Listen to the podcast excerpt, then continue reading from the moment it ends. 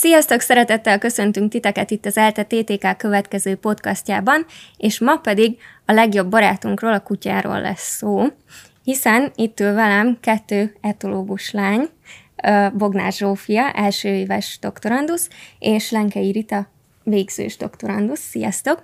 Sziasztok! és Zsófi, te ugye most nyertél egy első díjat az OTDK-n, illetve egy Prosciencia díjat is elnyertél. Mivel foglalkoztál, mi volt a témád? Ö, én arra voltam kíváncsi, hogy a, a kutyák miért különböznek egymástól abban, hogy mennyire hajlandóak az emberekkel szemkontaktust kialakítani, mert hogy ezt korábban már tudtuk, hogy az emberekkel igenis ö, szívesen alakítanak ki szemkontaktust, annak ellenére, hogy a fajtásaikkal ezt nem szívesen teszik meg, és megvizsgáltuk, hogy a fejformájuk, a fajta funkciójuk, azaz az a feladat, amire eredetileg tenyésztve lettek az adott fajták, az életkoruk, illetve a, a játékosságuk mennyire függ össze azzal, hogy mennyire hajlandóak szemkontaktust kialakítani. És mi volt számodra a legmegdöbbentőbb az eredmények közül, amire úgy nem számítottál? Ö, amire nem számítottam, az az volt, hogy a vizuálisan együttműködő fajtáktól nem különböztek a, a keverék kutyák abban, hogy mennyire hajlamosak a szemkontaktus kialakítására, de szerintem ami tényleg a legérdekesebb eredmény volt, az a fejformával kapcsolatos eredmény, mm. hogy a rövidebb fejű kutyák azok gyorsabban alakították ki a, a szemkontaktust, mint a, a hosszú fejűek, és ezt nem úgy kell elképzelni, hogy csoportokat hasonlítottunk össze, mert hogy a kutyák fejformája az, az lemérhető. Van az úgynevezett cefalikus index, ami azt mondja meg igazából, hogy mennyire gömbölyű vagy hosszúkás a kutyának a feje és ez összefügg a, a látásukkal. Tehát a, a rövidebb fejű kutyák, ők élesebben látnak a látóterük középpontján, és ezért feltételeztük azt, hogy a kommunikációs partnere is jobban koncentrálnak. Uh-huh. És ezt is kaptuk. Tehát akkor, hogyha valaki olyan kutyust szeretne, aki gyorsan ö, teremt bele szemkontaktust, akkor valami nyomottorú kutyát kell választania? Ö, tehát tényleg itt egy skálát kell uh-huh. elképzelni, és ö, én Azért nem szeretném kifejezetten azt mondani, hogy nyomott orrú kutyát válaszom, mert hogy nagyon betegesek ezek a fajták, Aha. és pontosan ezért is érdekelt engem, hogy annak ellenére, hogy nagyon betegesek, egyre gyakoribbak nő a populációjuk mérete. Tehát Ausztráliában is megfigyelték, hogy úgy összességében a kutya populációjának a fejformája folyamatosan rövidül. Uh-huh a, a betegség ellenére, és ö, kíváncsi voltam, hogy mi lehet ennek az oka, és lehet, hogy ez volt az egyik ok, hogy sokkal szívesebben néznek az emberre ezek a kutyák. Tehát akkor ez is valami olyasmit mutat, hogy, hogy ennyire összeszokik az ember a kutyával, hogy már így alakul a fejformájuk is, hogy Ö, van egy olyan ö, hipotézis, hogy ö, lehet, hogy azért preferálja az ember a rövidebb fejű kutyákat, mert hogy hordozza a babaséma jellemzőit, mhm. tehát ilyen gömbölyű fej, nagy szemek, és az emberek nagyon érzékenyek erre. Tehát az olyan tárgyakról készült képeket is hosszabb ideig nézik, amik hordozzák ezeket a jellemzőket, tehát lehet, hogy ezért tart ebbe az irányba az ő szelekciójuk, illetve a szemkontaktussal is összefügghet. Tehát lehet, hogy ezekkel a kutyákkal többet foglalkoznak, mint a gazdáik, mint más emberek, tehát nekik egész egyszerűen több lehetőségük uh-huh. volt megtanulni a szemkontaktus kialakítást. És Rita, te mivel foglalkozol? Hát én nekem tulajdonképpen két témám van, ami a, a doktorimhoz tartozik, az az önreprezentáció az állatoknál. Ez nem más, hogyha emberről beszélünk, akkor ezt hívjuk öntudatnak, uh-huh. de állatoknál nyilvánvalóan próbálunk nagyon-nagyon óvatosan fogalmazni, és ez az óvatos fogalmazás, ez tulajdonképpen az egész doktorimat így áthatja. Egy olyan keretrendszert próbálunk felépíteni ezeknek a tulajdonságoknak a vizsgálatára, ami igenis azon alapszik, hogy a, az adott fajnak milyen ökológia háttere van, milyen evolúciós nyomások voltak rajta, meg nagyon gyakran, amikor ilyen típusú vizsgálatokra kerül sor ö, állatoknál, akkor rögtön ezeket a magasabb rendű tulajdonságokat kezdik el vizsgálni, hiszen az az érdekes, hogy ami, ami nagyon hasonló lehet az emberhez. Tipikus példa erre például a tükörteszt, nagyon mhm. híres vizsgálat a 70-es évekből, hogy kiderült, hogy a csimpánzok felismerik magukat a tükörben. De ö, ez tök jó, viszont vannak olyan fajok, akiknek egyáltalán nem releváns, hogy ők magukat felismerik-e a tükörben, vagy nem. Azonban például az nagyon is releváns lehet számukra, hogy a fizikai környezetben el tudjanak ö, boldogulni. És ahhoz is lehet hasznos számukra, hogy információt tudnak saját magukról tárolni. Az elmebeli modelljükben, ahogy azt mondani szoktuk. És ez az, amit én vizsgálok kutyáknál. A kutya, kutya erre egy nagyon jó alany, mert hasonló komplex környezetben, mind fizikai, mind szociális környezetben él, mint az ember, és nyilván az ilyen tulajdonságokat olyan fajoknál várhatjuk megjelenni, ahol, amik, amik ilyen képességekkel rendelkeznek, ilyen komplex környezetben élnek. Uh-huh. Úgyhogy amit én csinálok, az egy ilyen nagyon elmé- e, egyrészt ez, ez, ez az, ennek az elméletnek kicsit így a kidolgozása, másrésztről egy nagyon alapot szeretnék, el, alapvizsgálatokat végzek el a, a kutyáknál, ami most éppen úgy mondanám, konkrétan ezek a test, testtudatra vonatkoznak, hogy a kutyák hogyan képesek megérteni, vagy mennyire értik meg, hogy a saját testük és a környezete között milyen kapcsolat van. Tehát például mondjuk egy kísérlet az akár úgy nézhet ki nálatok, hogy fogtok egy nagyobb kutyát, valami kisebb rést, és megpróbáljátok rajta átcsalogatni? Vagy ezt hogyan Ö, kell elgondolni? Gyakorlatilag tökéletesen ráhibáztál, így szoktunk bújócskázni a, a kutyákkal. Több, az első publikációm a témában az egy ilyen három kísérletet tartalmazó kísérletsorozat volt, és pontosan ilyen ajtós tesztek voltak benne, ahol azt vizsgáltuk meg, különböző méretű réseket ajánlottunk föl ugye a kutyának, vagy jutalomfalat volt a túloldalon, vagy a gazda, ez most nem megyek bele, ennek technikai oka uh-huh. volt, hogy ezt miért váltogattuk, és abba a, a, a különböző próbák és rés, méretek részleteibe sem mennék vele, de a lényege az volt, hogy azt találtuk, hogy egy olyan réshez már lassabban közelítenek a kutyák, amikor utána úgy döntenek, hogy ők már nem mennek át. Tehát itt nem arról van szó, hogy kipróbálja, hogy ez uh-huh. most ő átfére vagy nem, hanem arról van szó, hogy ő már előre van egy bizonytalanság, hogy na, akkor itt most, most én át fogok-e tudni menni, vagy nem.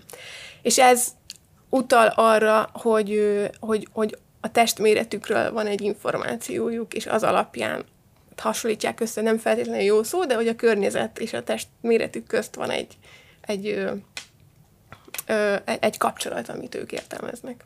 Lehet, hogy ez egy picit uh, másik vágány, de mondjuk vakvezető kutyáknál ez uh, Nagyszerű kérdés. Ez egy tökéletesen nagyon izgalmas kérdés. Sok mindent fölvet egyszerre. Egyrésztről a, a, a tanulást például, hogy a, mindjárt visszatérek a vakvezetőkhöz, de ilyenkor szokták mondani a testméret ö, tudatos vizsgálataimmal kapcsolatban, hogy miért nem csinálom azt, hogy egy botot belerakok a kutya szájába, adok neki egy részt, és akkor, hogyha ő megérti azt, hogy, hogy nem fog tudni átférni a bottal együtt a résen, uh-huh. akkor az, az tudat. De nem, ez pontosan nem az. Az egy fizikai kogníció, hiszen a bot az nem ő. Én egy ilyen helyzetnél azt várnám, hogyha ő megpróbál átvenni a bottal együtt, akkor van tudat, hiszen uh-huh. akkor saját magát számolja. De például erre az, hogy erdőben érdemes óvatosan lovagolni, mert a ló az nem számol a, a ugye a lovasnak a testméretével, se fölfelé, se oldalra, úgyhogy le kell bukni, hogyha jön az ág.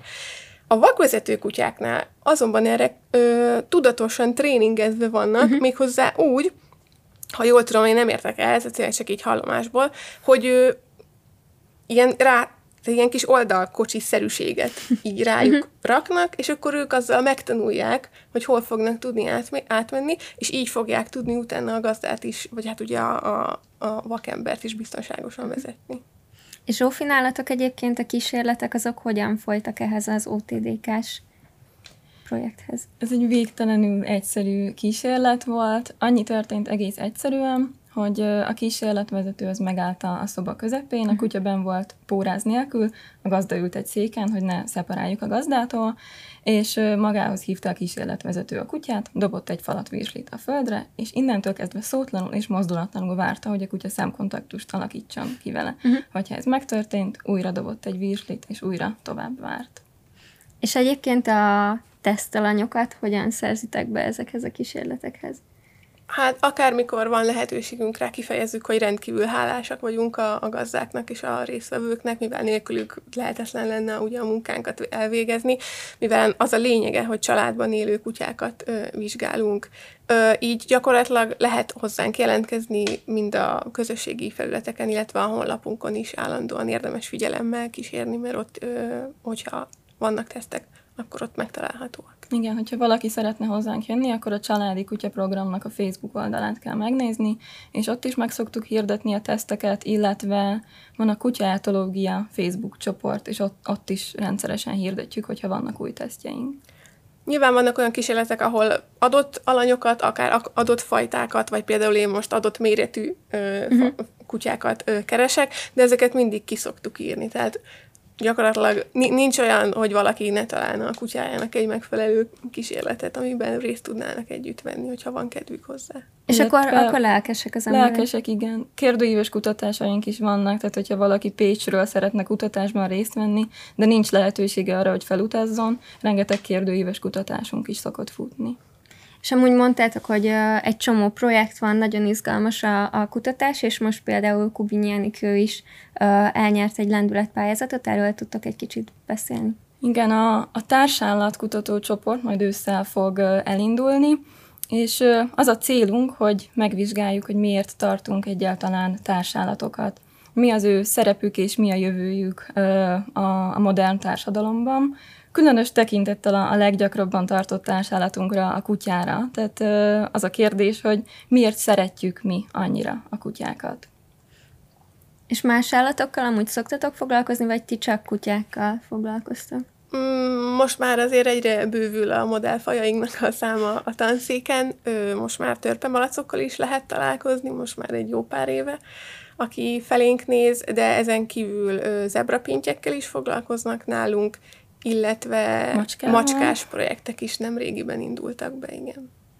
Nekem most csak egy macskám van, úgyhogy ezt el tudom képzelni, hogy azért az egy picit talán nehezebb, mint a, mint a kutyákat rávenni valamire, legalábbis. Azért van ilyen kevés macskával foglalkozó mm. kutatás.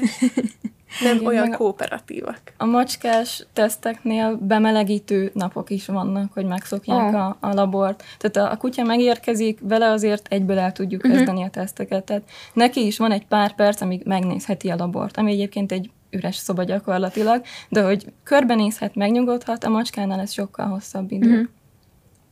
És vannak egyébként érdekes sztoriaitok valami vicces, ami, ami történt így kísérleteknél, akár kutyával, vagy más állattal?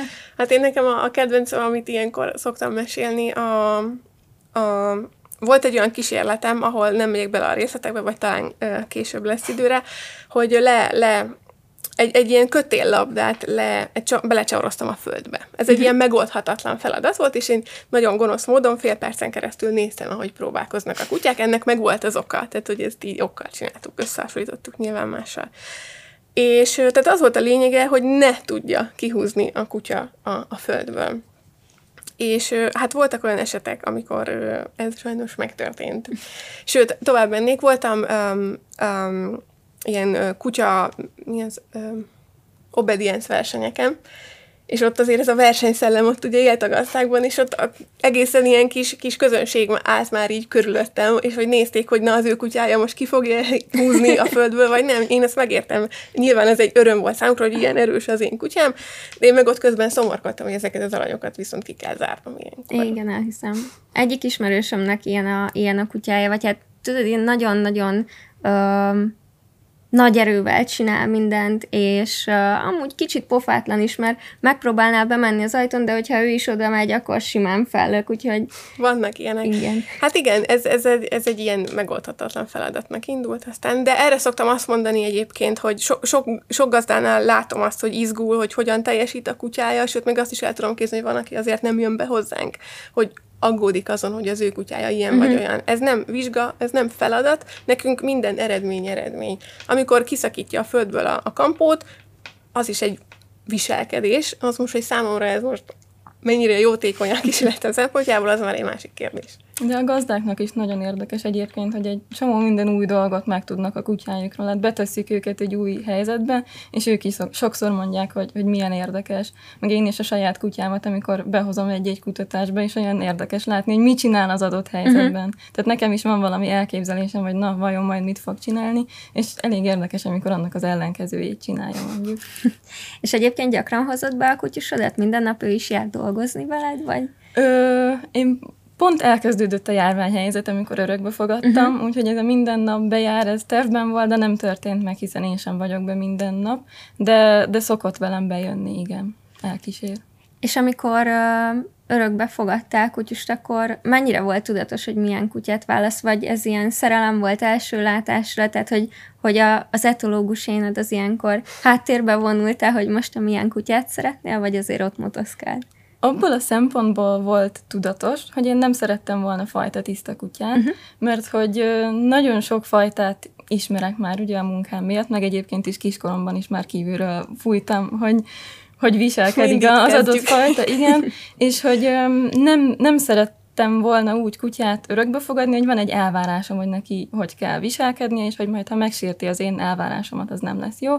És ezért én egy keverék kutyát szerettem volna, aki tiszta lappal indul, Ö, persze megvoltak így az elképzeléseim, hogy hogy nézzen ki. Tehát én nagyon szeretem az ilyen drótszórú, mások, drótszőrű, mások által csúnyának uh-huh. mondott kutyákat, úgyhogy én egy ilyet szerettem volna, és ö, találtam is egy ilyet. És fontos volt az is, hogy szerettem volna egy olyan kutyát, aki beragadta a menhelyre. Tehát uh-huh. hét, hét hónapos volt, amikor örökbe fogadtam, és én nem szerettem volna egy kölyök kutyát. Ez volt még a tudatos. És akkor egyáltalán nem bántad meg. Tehát egyáltalán nem. Mint, mint etológus, mint, mint örökbefogadó azt mondod, hogy ezek, ezek hogy menhelyről örökbefogadni egy kutyát lehet akár rizikós is, mert nem tudjuk, hogy hogy fog viselkedni, akkor ezek szinte alaptalanok. Tehát nyugodtan fogadjatok örökbe kutyát. Én, én arra figyeltem, tehát nem vagyok kutya kiképző, és uh-huh. nagyon féltem attól, hogy egy nehéz esettel találom szembe magam, és esetleg nem tudom megoldani, és uh, akit örökbe fogadtam, kettő napos volt, amikor leadták a menhelyre, tehát őt hál' Isten semmi rossz nem érte, azon kívül, hogy egy kenálban kellett felnőnie gazda nélkül, nem verték, nem bántották, nem élt az utcán, úgyhogy uh, ez is fontos volt nekem.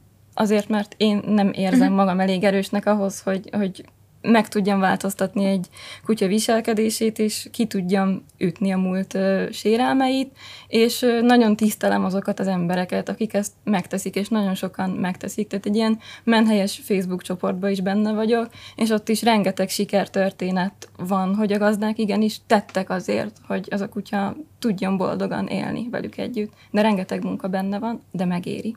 Nekem vannak ismerőseim, akik először egy háromlábú kutyust fogadtak örökbe, és hát gondolták, milyen jó lenne egy kutya testvér ennek a kutyusnak, és örökbe fogadtak egy másik háromlábút, csak neki a, a másik oldalról hiányzik, ha jól emlékszem a lába, úgyhogy ilyen szépen el, el uh, döcögnek egymás mellett, és uh, akit először hoztak, ő nagyon félős uh-huh. volt, valószínűleg ő valami balesetben veszítette el a, a lábát, és nem is volt olyan bizalommal az emberek felé, de most már, most nyáron megengedte, hogy lenyírják a szőrét, úgyhogy ez teljesen nagy szó, hogy, hogy addig eljutott, hogy egy, egy vadidegen a fodrásza uh-huh. levághassa a szőrét, úgyhogy... Hát igen, erre vonatkozott a részemről ez a pici szemöldök összehúzás, amikor azt mondtad, hogy ezek alaptalan feltételezések. A mondat második fele, hogy fogadjunk röbbe menhelyről kutyát, abszolút természetesen, uh-huh. mindenképpen, de azért azt tudjuk, hogy ezek azért tényleg való,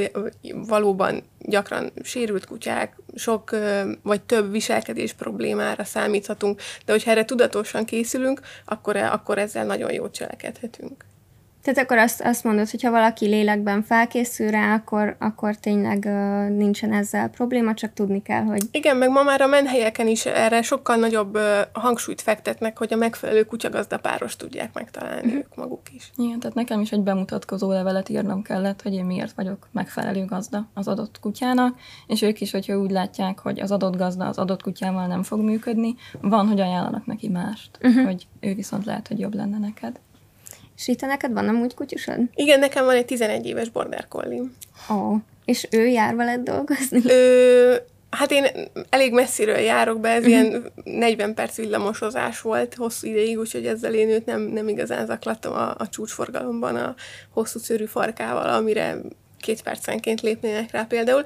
Én azért alapjában véve azt szoktam ilyenkor mondani, amikor ezt kérdezik tőlem, hogy én a, én a, a fodrász haja mindig rossz típus vagyok uh-huh. egy kicsit. Mi nagyon-nagyon szeretjük egymást, nagyon tényleg imádjuk egymást, de vannak, vannak bajok. Már. De nem vészesek. ja, ja.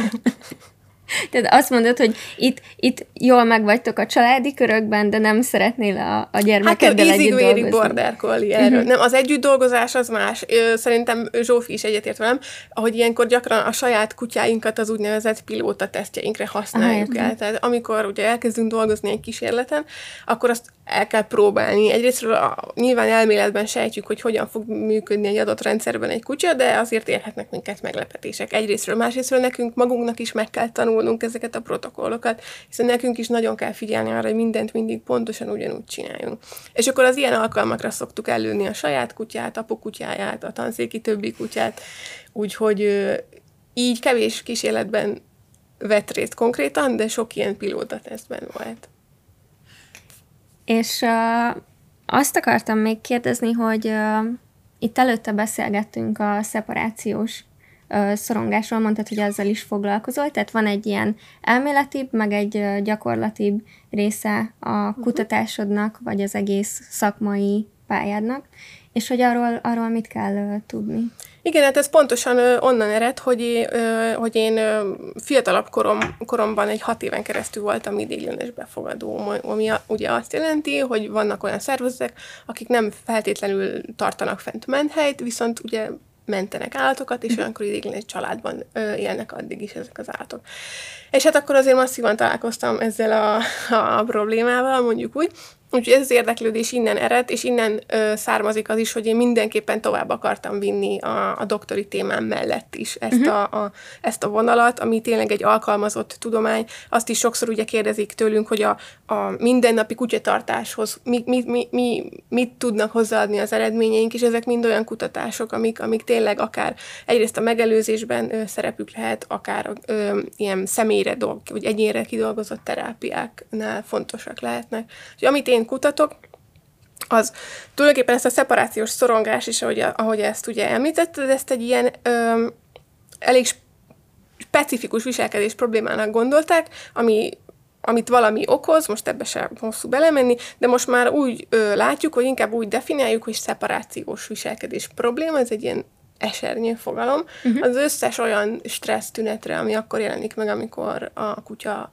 egyedül van hagyva, vagy a gazdája ö, egyedül hagyja ott valahol valakinél, ez most egy másik kérdés, van, aki így, van, aki úgy, Ö, és, és ma már azt látjuk, hogy sok, sok minden okozza ezt a, a problémát, nagyon sok tünete van, az a, tü, az a tünetek annyira változatosak, hogy konkrétan ellentétesek is tudnak lenni. Van mm. olyan kutya, aki teljesen ilyen letargikus és inaktív, van, aki lefölmászkál hat órán keresztül, hogyha hat órán van keresztül egyedül hagyva, akkor hat órán keresztül mászkál leföl.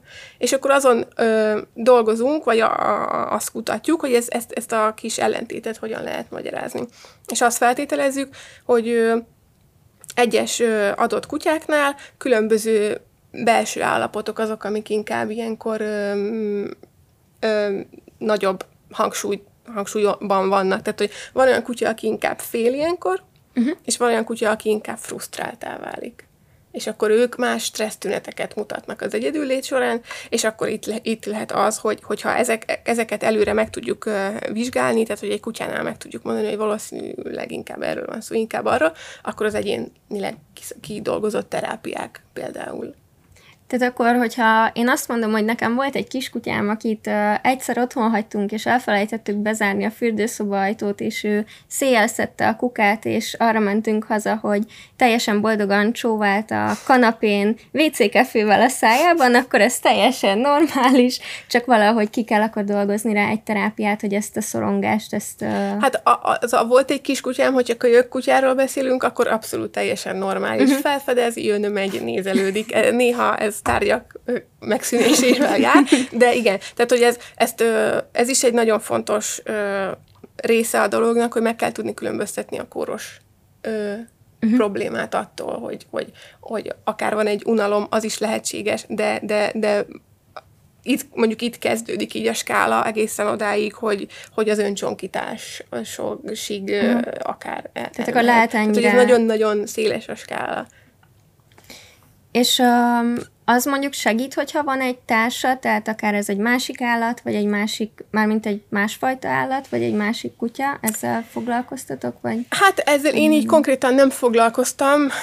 Maximum ilyen kérdőíves vizsgálat van erről, de az nem nem mondanám, hogy ilyen nagyon egy, egy irányba mutató uh-huh. eredmény van erről igazából. De ugye ez azért is van, amit elmondtam, hogy sokáig ezt így egy dolognak kezelték, és úgy tervezték a kísérleteket, a vizsgálatokat, hogy a szeparációs szorongás, holott itt több folyamat zajlik párhuzamosan egyszerre. Ezért sok ö, eredmény van, ami ellentétes egymással. Van olyan ö, kutatás, ami azt találta, hogy a kanoknál gyakoribb, van olyan, ami azt találta, hogy nem. És például ez is lehet az oka ennek. Uh-huh. És most ugye sokan voltunk home office-ba, um, majd most szépen lassan reméljük visszatérünk a normális kerékvágásba. Gondoljátok, hogy az otthon maradt kutyusok akkor fognak mutatni ilyesmit? Tehát erre lehet számítani? Um, Egyrészt, nyilván egy kutyának, én mindig azt szoktam mondani, hogy a kutya a gazdája mellett működik jól. Egy kutyának a gazda mellett van a helye mondjuk így. De, de, de valóban, és ezt egyébként már a leges legelejétől, amikor ez a karantén így elindult, már elkezdték vizsgálni, kérdőíves vizsgálatokkal például, hogy ezt a változást esetleg elkapják. Elég valószínű, hogy, hogy lesznek olyan esetek, amik, amik így ehhez köthetőek, főleg nyilván így a visszaszokás uh-huh. miatt, tehát hogy de már, tehát én a saját kutyámon is uh, látom, hogy, hogy van különbség, ez nyilván nem profi, mert ez száz kutyát mérünk le, de hogy azért mesélem, hogy tényleg valószínű. Uh, mi abból a szempontból vagyunk szerencsések, hogy ugye mi uh, viselkedésteszteket végzünk. Tehát van egy beltéri szeparációs tesztünk, amit el szoktunk végezni, és van egy kültéri tesztünk is. És a beltéri tesztünkről nagyjából 160 kutya van ö, lemérve. És ez mind a COVID előtt, mivel ugye mi eredetileg is ezzel foglalkoztunk. Uh-huh. És most azon ö, gondolkozunk, hogy hogyan lehetne azt megoldani, vagy hogy mennyiben lenne érdekes, hogy ezeket a kutyákat visszamérni. És akkor van egy előtte adatpontom, meg egy utána adatpontom. Úgyhogy ez, ez egy nagyon érdekes téma most számunkra is, és aktuális nagyon. És ezek a kísérletek akkor csak a úgy történnek, hogy mondjuk fogjátok, leültetitek a kutyát, de tehát, hogy ezek nem betanított kutyák, hogy éritek el mondjuk szabadtéren, hogy legyen valami szeparáció? Uh-huh. Hát a szabadtéren ott az egy, ez poráz.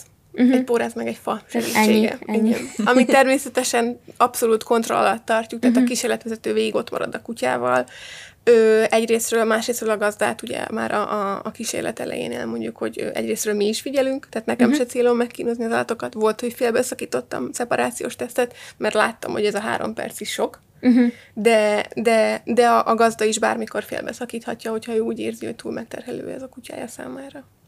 Zsófi, mondtad, hogy az egy dolog, hogy az OTDK mivel foglalkoztál, vagy milyen dolgozatot adtál be, de hogy más projektekben is benne vagy, másokkal is foglalkozol. Mik ezek? Ö, igen, most ért véget az előző kutatócsoportunk, ahol a kutyák öregedésével foglalkoztunk, és ö, itt például, ö, amiben én is részt vettem, az egy ö, hosszú távú kísérlet uh-huh. sorozat volt, itt 130 kutyát mértünk fel, három évtől 14 éves korig, három éven keresztül, ugyanabban a másfél órás tesztsorozatban vettek részt, ahol az ő kognitív teljesítményüket mértük föl. Tehát tényleg volt mindenféle feladat. Egy ilyen kongszerű ö, kutyajátékból falatot kiszedni, megnéztük, hogy mennyire kitartóak, mennyire kérnek segítséget a, a gazdától vagy a kísérletvezetőtől, a memóriájukat ö, megnéztük, mennyire emlékeznek rá, hogy melyik cserébe raktuk bele a jutalomfalatot. Ö, kísérletvezetőben mennyire játszanak a, a szemkontaktus teszt, amit említettem, ez is ennek a hosszú tesztsorozatnak uh-huh. volt egyébként a része. Tehát nagyon-nagyon sokféle ö, tesztből állt, és a kutyáknak ez mind játékos feladat, tehát ők ezt mind, mind nagyon élvezik. A szeparációs tesztet valószínűleg... Én mindig ilyen gonoszságokat Az sajnos nem annyira, de tehát, hogy a legtöbb tesztet a kutyáknak ez, ez játék, és, és nagyon élvezik. És hát arra voltunk kíváncsi, hogy változik-e élet, életkorral az ő teljesítményük ezekben a tesztekben. És, és mit találtatok, hogyha Ö, lelőhetjük azt, a poént? Azt figyeltük meg, hogy igen, változik a, uh-huh. a teljesítményük, tehát van egy kis életkorral összefüggő romlás, ami teljesen természetes, tehát az embernél is megfigyelhető, és a célunk az egésszel az volt, hogy felmérjük, hogy mi az, ami a normális változás, hogy mhm. ettől el tudjuk különíteni a, nagyon éles leromlást, vagy, vagy javulást, tehát tudjuk mérni a különbséget ettől. Illetve azt is tudom, hogy, hogy ti már most nem biztos, hogy ponti ketten, de valamennyire az embereknek a viszonyát a kutyákhoz is, tehát oda-vissza nézitek ezeket a dolgokat. Egyszer uh, voltam egy kísérletben az etológia tanszéken, arról szólt, hogy ki volt vetítve nekünk egy, egy terem, amiben emberek ültek, és mindenféle segítség nélkül el kellett mondanunk a kedvenc filmünkről valamit, azt hiszem, valami ilyesmi volt. Egy mini előadást kellett uh-huh. tartani. És uh, ezt meg kellett csinálni, úgyhogy csak mi voltunk uh, bent a teremben, meg a kivetítő vászon, illetve, hogy volt egy kutya, egy tengeri malac, vagy valamilyen más állat. Tengeri malacok voltak szerintem. Azt hiszem. Igen. Szóval, hogy, hogy uh, akkor ez is, ez is jellemző, hogy sokszor azt nézitek, hogy az emberekre milyen hatással vannak a, az állatok. Igen, tehát erre is kíváncsiak vagyunk, és a, a társállatkutató csoportnak például ez egy fontos eleme lesz, hogy az emberek hogy viszonyulnak ezekhez az állatokhoz. Tehát itt a, a társ állatok alatt nem csak a kutyát értem, tehát kutya, macska, malac, patkány, a madár, a hal, hüllők, tehát hogy így mindenféle faj érdekel minket, amit az emberek társállatként tartanak, és pontosan arra vagyunk kíváncsiak, hogy miért választ valaki az egyiket, a másik meg a, a másikat, tehát hogy személyiségkülönbségek vannak, demográfiai jellemzők, ezt nem tudjuk igazából, és azt sem tudjuk, hogy az emberek mit várnak el a társállataik,tól Milyen az ideális társállat. Igen, mondjuk ez tényleg fura, hogy valaki mondjuk tényleg egy uh, macskát, egy kutyát uh, részesít előnybe, vagy mondjuk egy pókot például, vagy, vagy egy, egy, egy teknős, tehát ennek is biztos megvan a, a, a miértje, és ez is biztos összetett.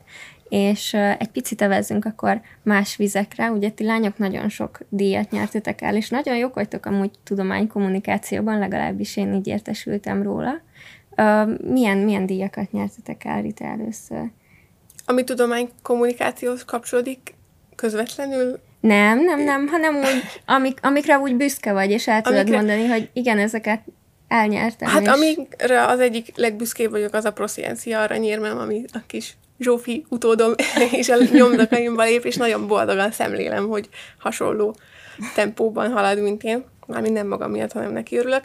Um, azon kívül 2018-ban az év ifjú viselkedés kutatója díj is így a kis szívemben jó helyen van, de a másik, ami, ami most úgy frissebb, amit nem olyan régen nyertem el, az egy tudománykommunikációs ö, ö, cikkíró verseny volt a Doktoraduszok Országos Szövetségének a szervezésében mm. és az Élet és Tudomány szervezésében, amit, ahol első helyet nyertem a, a doktori témám leírásával. Um, azt azért szeretem annyira, mert ott ö, tudom, hogy sokan pályáztak, és, és az egy olyan az egy, az egy olyan verseny volt, ahol nem az előéletemet, nem a cikkémet, hanem ott is akkor milyen volt az a cikk, és akkor, és, a, és az volt értékelve. Ott egy cikket kellett írnod, vagy Uh-huh. Ott egy, ha, ha, azt mondom, egy hatoldalas cikk, egy hatoldalas tudomány népszerűsítő cikket írtam uh-huh. az önreprezentációról. És, és az én eleve majd, hogy nem mondhatom így, hogy írói családból származom, úgyhogy van egy ilyen véne, ami így ki, kifelé tör állandóan. Ezt nagyon-nagyon le kell folytanom egyébként ugye a tudományos cikkek írásánál. Uh-huh. Még apukám egyszer mondta is, hogy neked olyan jó stílusod volt, de látom, hogy kezded el elveszteni, hogy szárazzá válik, amit írsz mert uh-huh. hogy ezt tanulom, ugye, hogy hogyan írjak tudományos cikkeket, de itt azért van lehetőség arra, hogy kicsit így kikukucskáljunk. Igen, igen, meg az, az élet és tudományban azért ott, ott lehet ilyen cikkeket írni, amik a könnyedebb megfogalmazások tényleg inkább arra szólnak, vagy arra hivatottak, hogy felkeltsék az érdeklődést. Zsófi, te is nyertél tudománykommunikációs díjat.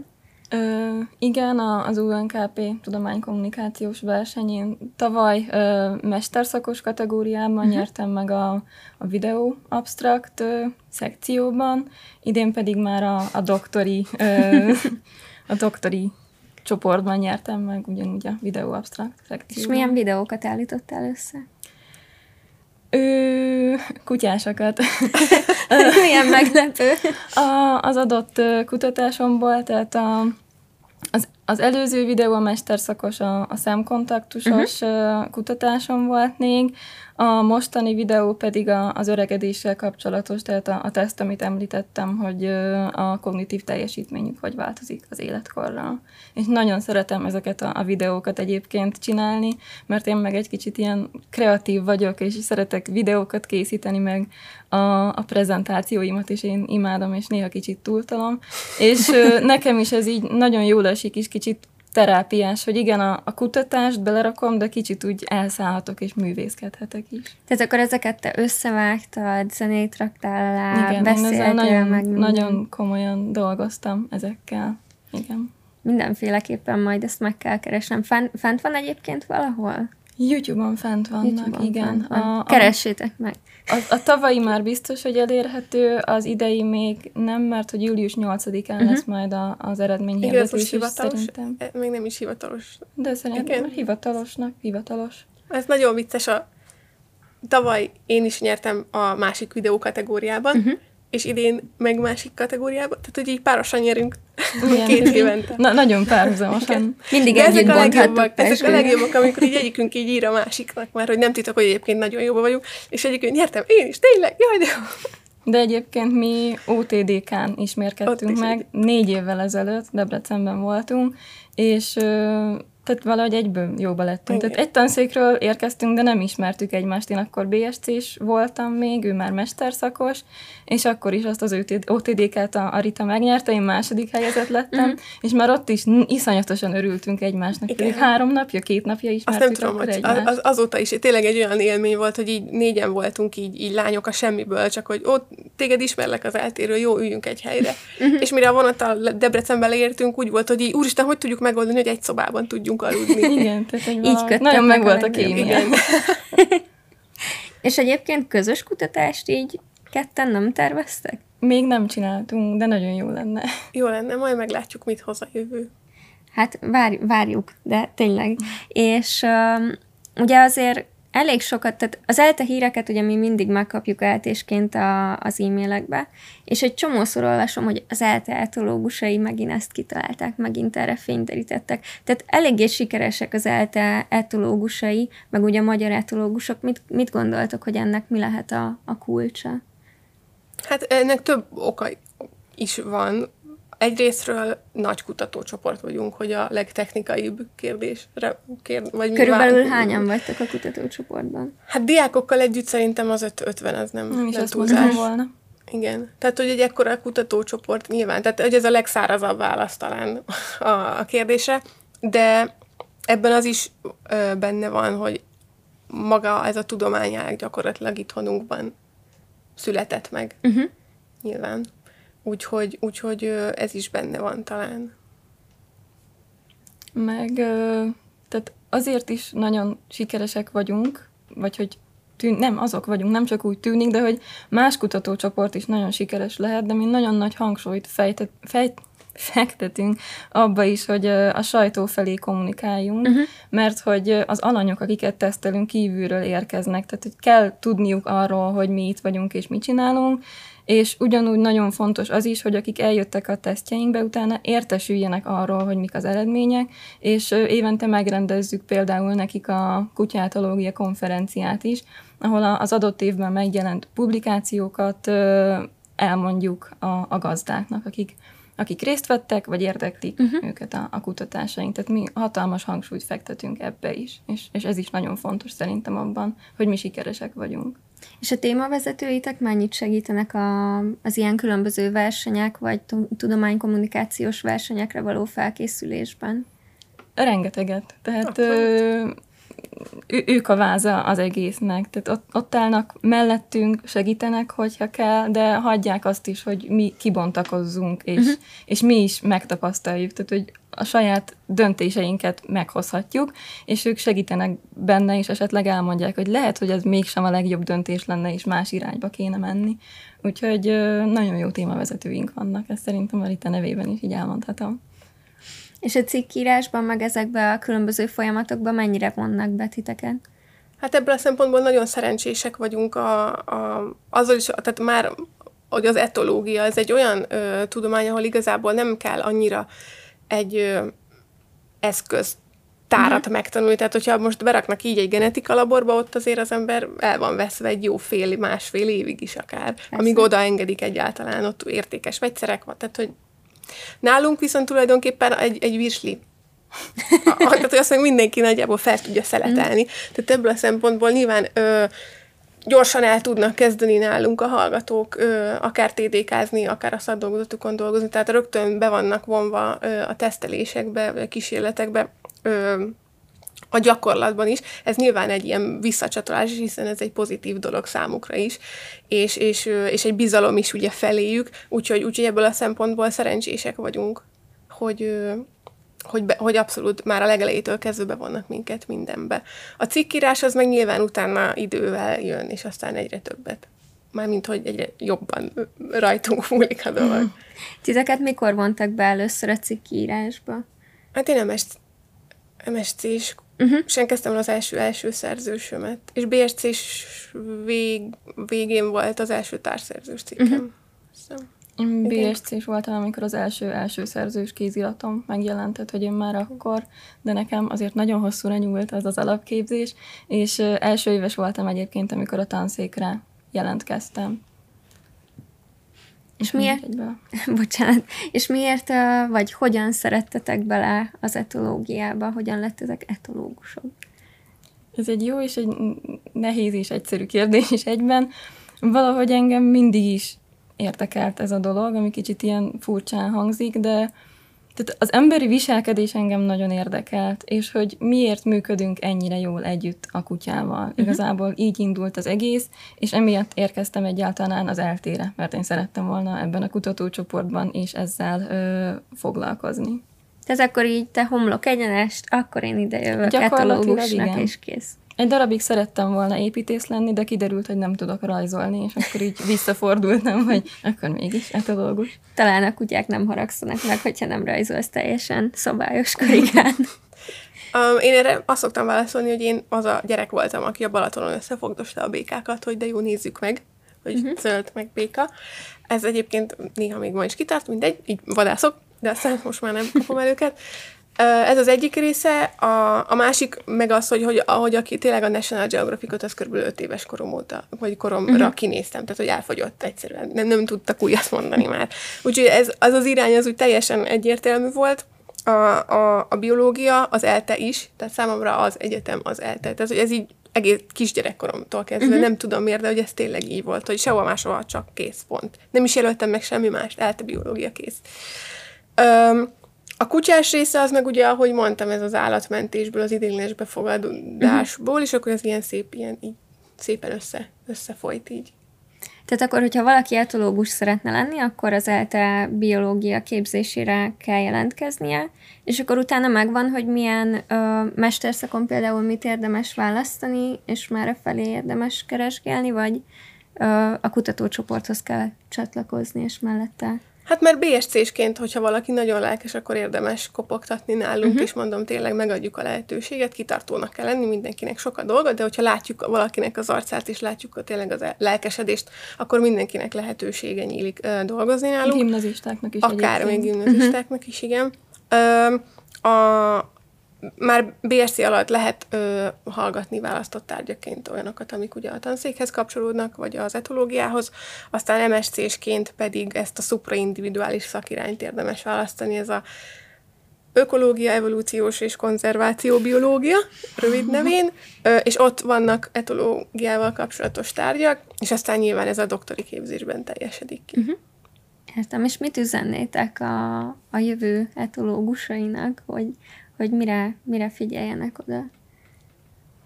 Vagy mire, miért legyenek lelkesek, miért éri meg etológusnak Hát a lelkesedés lenni. az vagy jön, vagy nem. Mi, mi a szép benne? Mi a Ti szép miért benne? szeretitek csinálni? Mi, mi hajt titeket, hogy minden nap én, én azt szeretem, hogy nagyon-nagyon kreatív. Uh-huh. Tehát nagyon, uh, ahogy, ahogy jöttem is ugye például a genetika tanszékkel, hogy ott, hogy ott gépekkel dolgoznak, hogy ott sok minden automatizált módszerek vannak. Persze ott uh-huh. is lehet föl kitalálni új módszereket, sőt, hát ugye halad is, mint nagyon jól, mint tudjuk. De hogy alapjában véve, hogyha én nekem van egy kérdésem, akkor, akkor az csak a kreativitásomon fog múlni, hogy én arra hogyan fogok tudni választ kapni, mert tényleg csak egy virslim van, és nem tudom, még egy ketrecem esetleg, amivel berakom a virslit, vagy cserepeim, uh-huh. vagy, vagy deszkát van, fúrunk, faragunk, és ott csináljuk a dolgokat. Igen, tehát egy, egy üres laborszobát kell berendezni a kérdésünknek ennyi. megfelelően. És, és, én, és én ezt a részét szeretem egyébként a, a, a tudománynak egyáltalán, vagy ennek a, a, a tudományágnak, hogy amikor kitalálom, hogy, hogy ez a, hogy amikor ülök a villamoson este nyolckor hazafelé, és akkor még azon gondolkozok, hogy hogy kéne, hogy lehetne ezt a legjobban megcsinálni, hogy lehetne ezt megoldani. És akkor ilyenkor jegyzeteket készítetek magatoknak, hogyha jön valami ötlet, és akkor ezeken a próbakutyákon kipróbáljátok, tehát sajáton Hát akár az is, de hogyha, hogyha van egy protokoll, amin gondolkozom, és akkor eszembe jut valami, akkor én, akkor én azt rögtön, rögtön megírom a témavezetőnek, mert akkor rögtön nagyon izgatott válok, és akkor úristen, nem rájöttem. Volt egy, volt egy valami, ami nagyon hosszú ideig gondolkoztam, hogy hogyan lehetne mérni, de a hosszú ideig az éves, éves szint, tehát másfél éven keresztül gondolkoztam, hogy hogy lehetne egy kísérletet megcsinálni. És uh, máig emlékszem arra a, a kis lámpára, ami felgyulladt, és rájöttem egyébként külső segítséggel beszél, leültettem egy, egy doktorandusz társamat, Mark Sandrist beszélgetni róla, hogy na most akkor kicsit beszélgessünk csak, és akkor gondolkozunk kicsit. Um, és akkor, a, és akkor a, beszélgetünk legalább két órát, és a, és a végén az volt, hogy így nem jutottunk semmire. Uh-huh. És akkor mondtam, hogy jó, akkor most lépjünk egyet hátra. Thinking outside of the box. Mi, mi, mi, mi, mi van előttünk? És akkor ő elmondta, hogy vagy ezt csináljuk, vagy azt, vagy azt. Hogy hogyan tudunk változtatni egy rendszeren, nem akarok belemenni. És akkor mondom, úristen igazad van. És így fölugrott, hogy mit lehetne csinálni, és én végigugráltam az egész tanszéket. Az összes irodába beugráltam, hogy megvan rá, hogy kell megcsinálni. Úgyhogy így van egy új ötlet. És ez a része, ami, ami, ami miatt megéri. Hát, hogyha ha érdekel titeket az állatok és az emberek kapcsolata, az állatok viselkedése, akkor gyertek ide az eltére biológusnak, aztán pedig etológusnak, mert nagyon sok jó kutató van, akitől lehet tanulni is és uh, jövő héten pedig találkozzunk ugyanitt az LTTTK podcastjában. Ha esetleg ennek az adásnak az elejéről lemaradtatok, vagy szeretnétek valaki másnak is megmutatni, akkor megtaláljátok YouTube-on, de meghallgathatjátok Spotify-on, Google Podcaston, vagy pedig Apple Podcaston is, miközben utaztok a metrón vagy a villamoson. Sziasztok!